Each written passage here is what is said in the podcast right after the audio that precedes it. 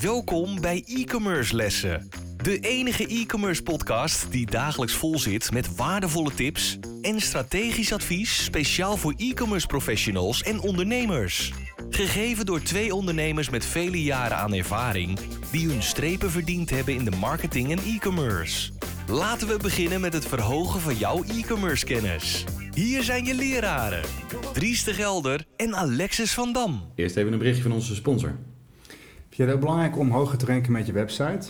Zeker door de nieuwe update van Google met de Core Vital Update. En dan eens een kijkje naar je eigen website snelheid.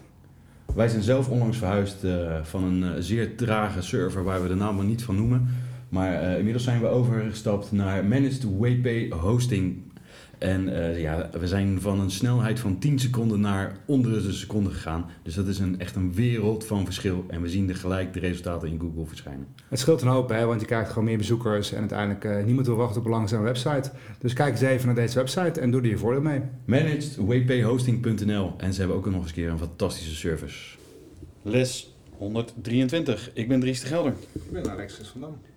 We gaan het vandaag eens hebben over is e-commerce de toekomst van commerce? Ja. Ja. Nou ja als je natuurlijk kijkt naar uh, hè, waar e-commerce uh, vandaan komt, uh, of waar het eigenlijk nu is op dit moment, is natuurlijk door, mede door de, de pandemic, is natuurlijk dat het enorme vlucht genomen. Ik bedoel, daarvoor was het natuurlijk ook al behoorlijk onderweg, e-commerce. Maar door de mensen thuis mochten, moesten blijven, zijn ze natuurlijk veel meer online gegaan. dat is natuurlijk op zich geen nieuws. Um, maar je ziet nu weer een beetje een trend dat mensen toch zeggen, ja, het is ook wel leuk om even ergens heen te gaan. Winkel in de winkelstraat, uh, een beetje rondlopen en dan iets kopen in plaats van heel doelgericht, ik kijk online en ik koop. Uh, dus, dus blijft e-commerce zoals het is? Gaat het nog verder? Of uh, valt het weer een klein beetje terug? Dat is natuurlijk even de vraag. Ja, ik denk dat e-commerce natuurlijk, die heeft nu wel zijn strepen verdiend in de, in de commerce wereld. Um, ik denk alleen niet meer dat we praten over dat de toekomst niet meer is. Gaan we praten over, uh, weet je, wat we nu nog vaak hebben over stenen winkels en online winkels en marketplaces.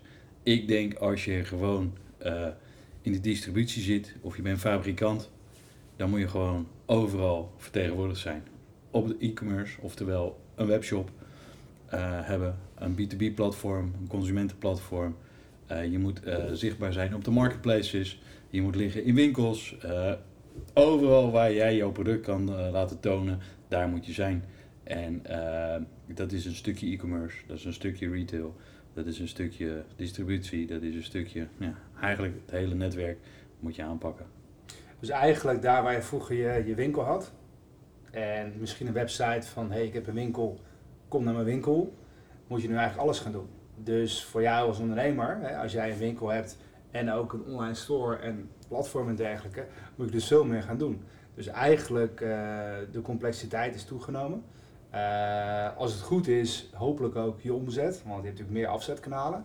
Als je natuurlijk een beperkte winkel hebt, kan je met zoveel in je winkel doen. Terwijl natuurlijk met online zijn in feite de, de grenzen, nou ja, zijn er eigenlijk niet. Want ja, afhankelijk van natuurlijk uh, wat je allemaal wilt en um, hoe groot je voorraad is, kan je natuurlijk dat wegzetten.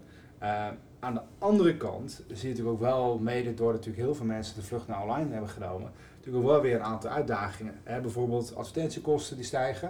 Er zijn natuurlijk maar zoveel plekken te vergeven hè, op Google en voor Facebook. Dus de prijzen nemen toe, uh, concurrentie neemt toe. Dus hoe meer concurrenten online, hoe moeilijker ook straks zeg maar, je weg te vinden zal zijn dat jij weer voorop komt voor jouw uh, potentiële klanten.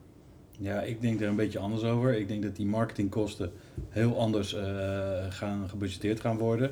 Als ik even in de toekomst mag kijken. Uh, want ik denk zeg maar dat de fabrikanten die gaan gewoon rechtstreeks naar de consument. En wat daar nog tussen zit, is zijn distributeurs die misschien in landen verspreiden.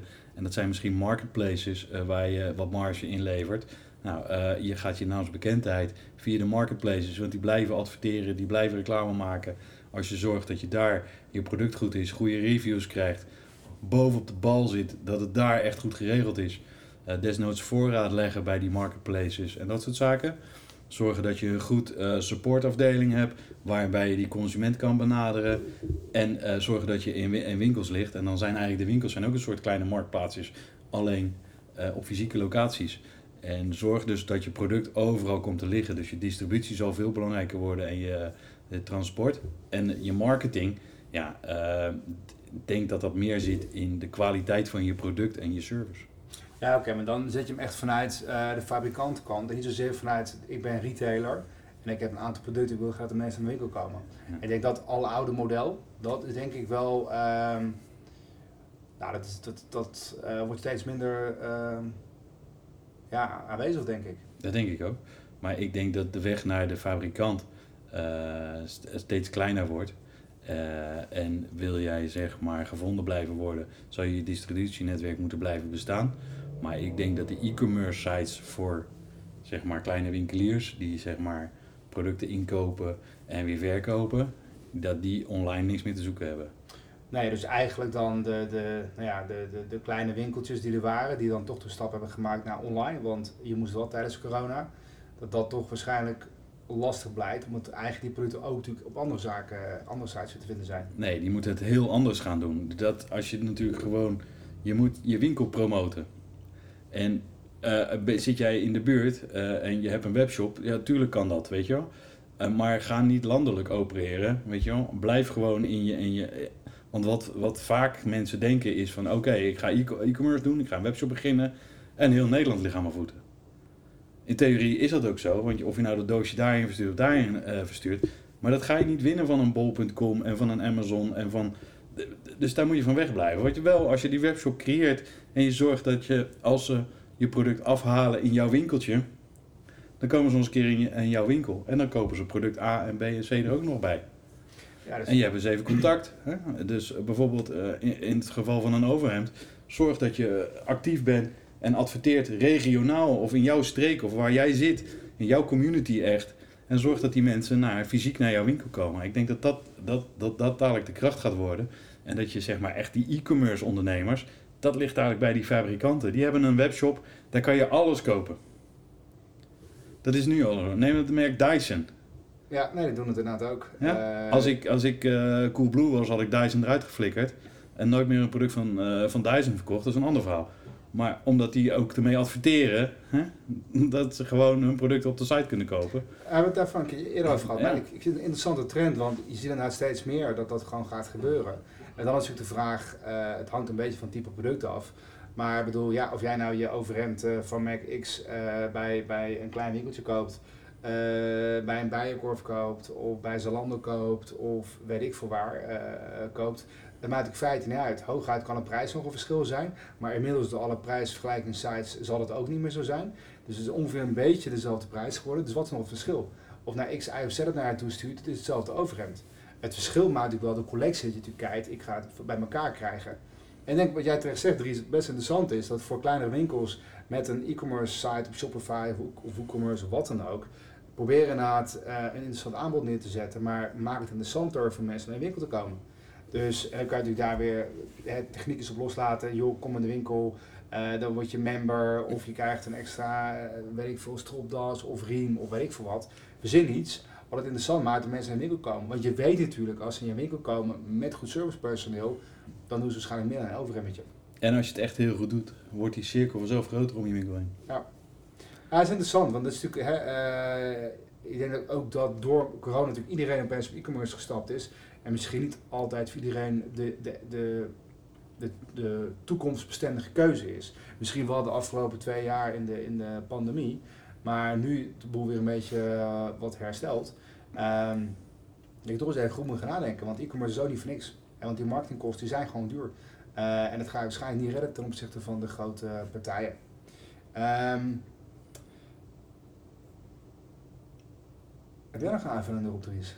Nou ja, wat ik nog wil zeggen, eh, eh, e-commerce of commerce, ehm, als we naar China gaan kijken, weet je wel, daar praat je gewoon, als je- daar een winkeltje hebt, of je nou groot of klein bent, daar zit je gewoon op alles. Daar zit je op WeChat, daar zit je op, eh, heb je een website, daar zit je op Alibaba, op Ali, eh, AliExpress, en daar heb je een webshop en daar heb je een fysieke winkel. En je kan op honderdduizend verschillende manieren betalen en op honderdduizend manieren of op, via WeChat reviews verzamelen en krijgen. En ja, daar, weet je wel, daar, daar praat men niet, anders meer over. Het is gewoon, je bent je bent een handelaar. En Ja. je, als je dus met producten handelt, ja, moet je gewoon zorgen dat je overal te vinden bent. En is dat in een, eh, hè, eh, is e-commerce, gaat e-commerce commerce voorbij? Eh, weet je, e-commerce is een onderdeel van commerce. Nou, dat denk ik ook. En ik- volgens mij is het ook zo dat ehm, als je kijkt, en dat is wel een van de dingen met distributie natuurlijk, als je zoveel distributiekanalen hebt, dan is het ook zo dat op al die kanalen moet je ook overal weer op de juiste manier staan. En met de reviews. Ik had het laatst ook, dus wilde ik iets kopen en dan was ik inderdaad eh, via Bol op een paar andere sites uiteindelijk eh, door, heen en weer klikken, een beetje zoeken op namen op andere sites tegengekomen. En dan zie je bij bijvoorbeeld bij bol.com zie je dan, eh weet ik veel, 20, 30 reviews staan. En op andere sites staan er geen reviews. Als je op die site, andere site eerst zou komen en no reviews, denk je ook van nou ja, dan zal het toch geen goed product zijn. En dus dat is wel een beetje een dingetje met zoveel distributie. Eh, kan ik me ook voorstellen voor eh, fabrikanten, wordt het ook soms de keuze waar wil ik nog? Eh, en, en ga daar natuurlijk hè, waar, waar jouw klant is, dat is natuurlijk het oude dagen in, in de marketing. Maar ja, hoe weet je nou waar je klant is? Want het wordt steeds diffuser. Hè? eh, websites die vroeger winkels hadden, worden nu opeens marketplaces en er worden er steeds meer van. Wat is nou, nou straks de marketplace? En wat maakt dan dat mensen naar een bepaalde marketplace gaan? Hè, in Nederland is Bol natuurlijk heel bekend, Amazon ook heel bekend. Blokker is als merk bekend en langzaamaan worden ze natuurlijk als marktplaats bekend. Maar waar moet je liggen? Ik bedoel, Ja, je eh, gaan, we gaan steeds meer verschillende niche marketplaces krijgen. Weet je wel, Amazon is een hele grote, bol.com is een hele grote. Weet je wel, maar, eh, eh, eh, maar of op boeken eh, was bol.com natuurlijk en die heeft zijn assortiment uitbreid. Maar in theorie kom je nog steeds voor je boeken naar bol. Eh, en daar, zijn ze, daar zijn ze mee begonnen. Ja. Eh, maar je hebt nu ook al voor de bouwmarkten heb je eh, marketplaces. Voor de meubelindustrie heb je marketplaces. Eh, noem het allemaal maar op. Er gaan dadelijk allemaal verschillende niches komen. Eh, ja, daar, als je daarop aan kan sluiten of die kunt beginnen, ik denk dat dat- dan, dan zit je wel redelijk goed. Ja. Interessant. Benieuwd wat de toekomst gaat brengen. En toch denk ik nog steeds dat eh, als jij nu zeg maar wel een, een webshop gaat beginnen, de kansen zijn er nog steeds. Nou, dat, dat, dat, dat zal ook zo zijn. Ik denk alleen Die zullen ook altijd blijven. terecht even goed moet nadenken van wat is het doel, wat is je doelgroep, waar zit je markt, Eh, waar kan je ze het beste vinden en, en eh, moet je het zelf doen of moet je bij een plaats gaan liggen, Eh, wat is het handigste voor jou, marge-technisch en te kopen marge-technisch, eh, relatiegericht. Want op zich, eh, om nog even Dyson terug te pakken, ergens snap ik het ook wel. Want om bij Dyson tegelijk te kopen, je maakt een account aan, je krijgt een nieuwsbrief, hun service verloopt via je wordt klant van Dyson. In plaats van dat ik via coolblue.com een Dyson stofzuiger of wat dan ook koop. En Dyson heeft geen idee naar wie die stofzuiger gaat. Je bent klant bij Bol of je klant bij Dyson. Vanuit dat perspectief begrijp ik heel goed dat eh, fabrikanten eigenlijk die klantenrelatie zelf willen. En ik denk dat gewoon dat fabrikanten moeten gewoon heel goed achter hun oren gaan krabben wat ze nou precies willen. Weet je wel, Eh, winkeliers, die hebben eh, producten in winkels, pakken daar enorme marges op. Een webshop, met alle respect, weet je wel, die hebben eigenlijk niks te zoeken, want ze hebben een eigen webshop. Weet je wel? Eh, en een winkelier die hoort niet met jouw product op een marketplace te zitten. Eh, dat soort zaken, dat moet je allemaal gewoon goed in kaart houden. En zo kan je elkaar helpen. En als iedereen zijn ding doet waar hij goed in is, ja, dan, dan blijft het goed gaan.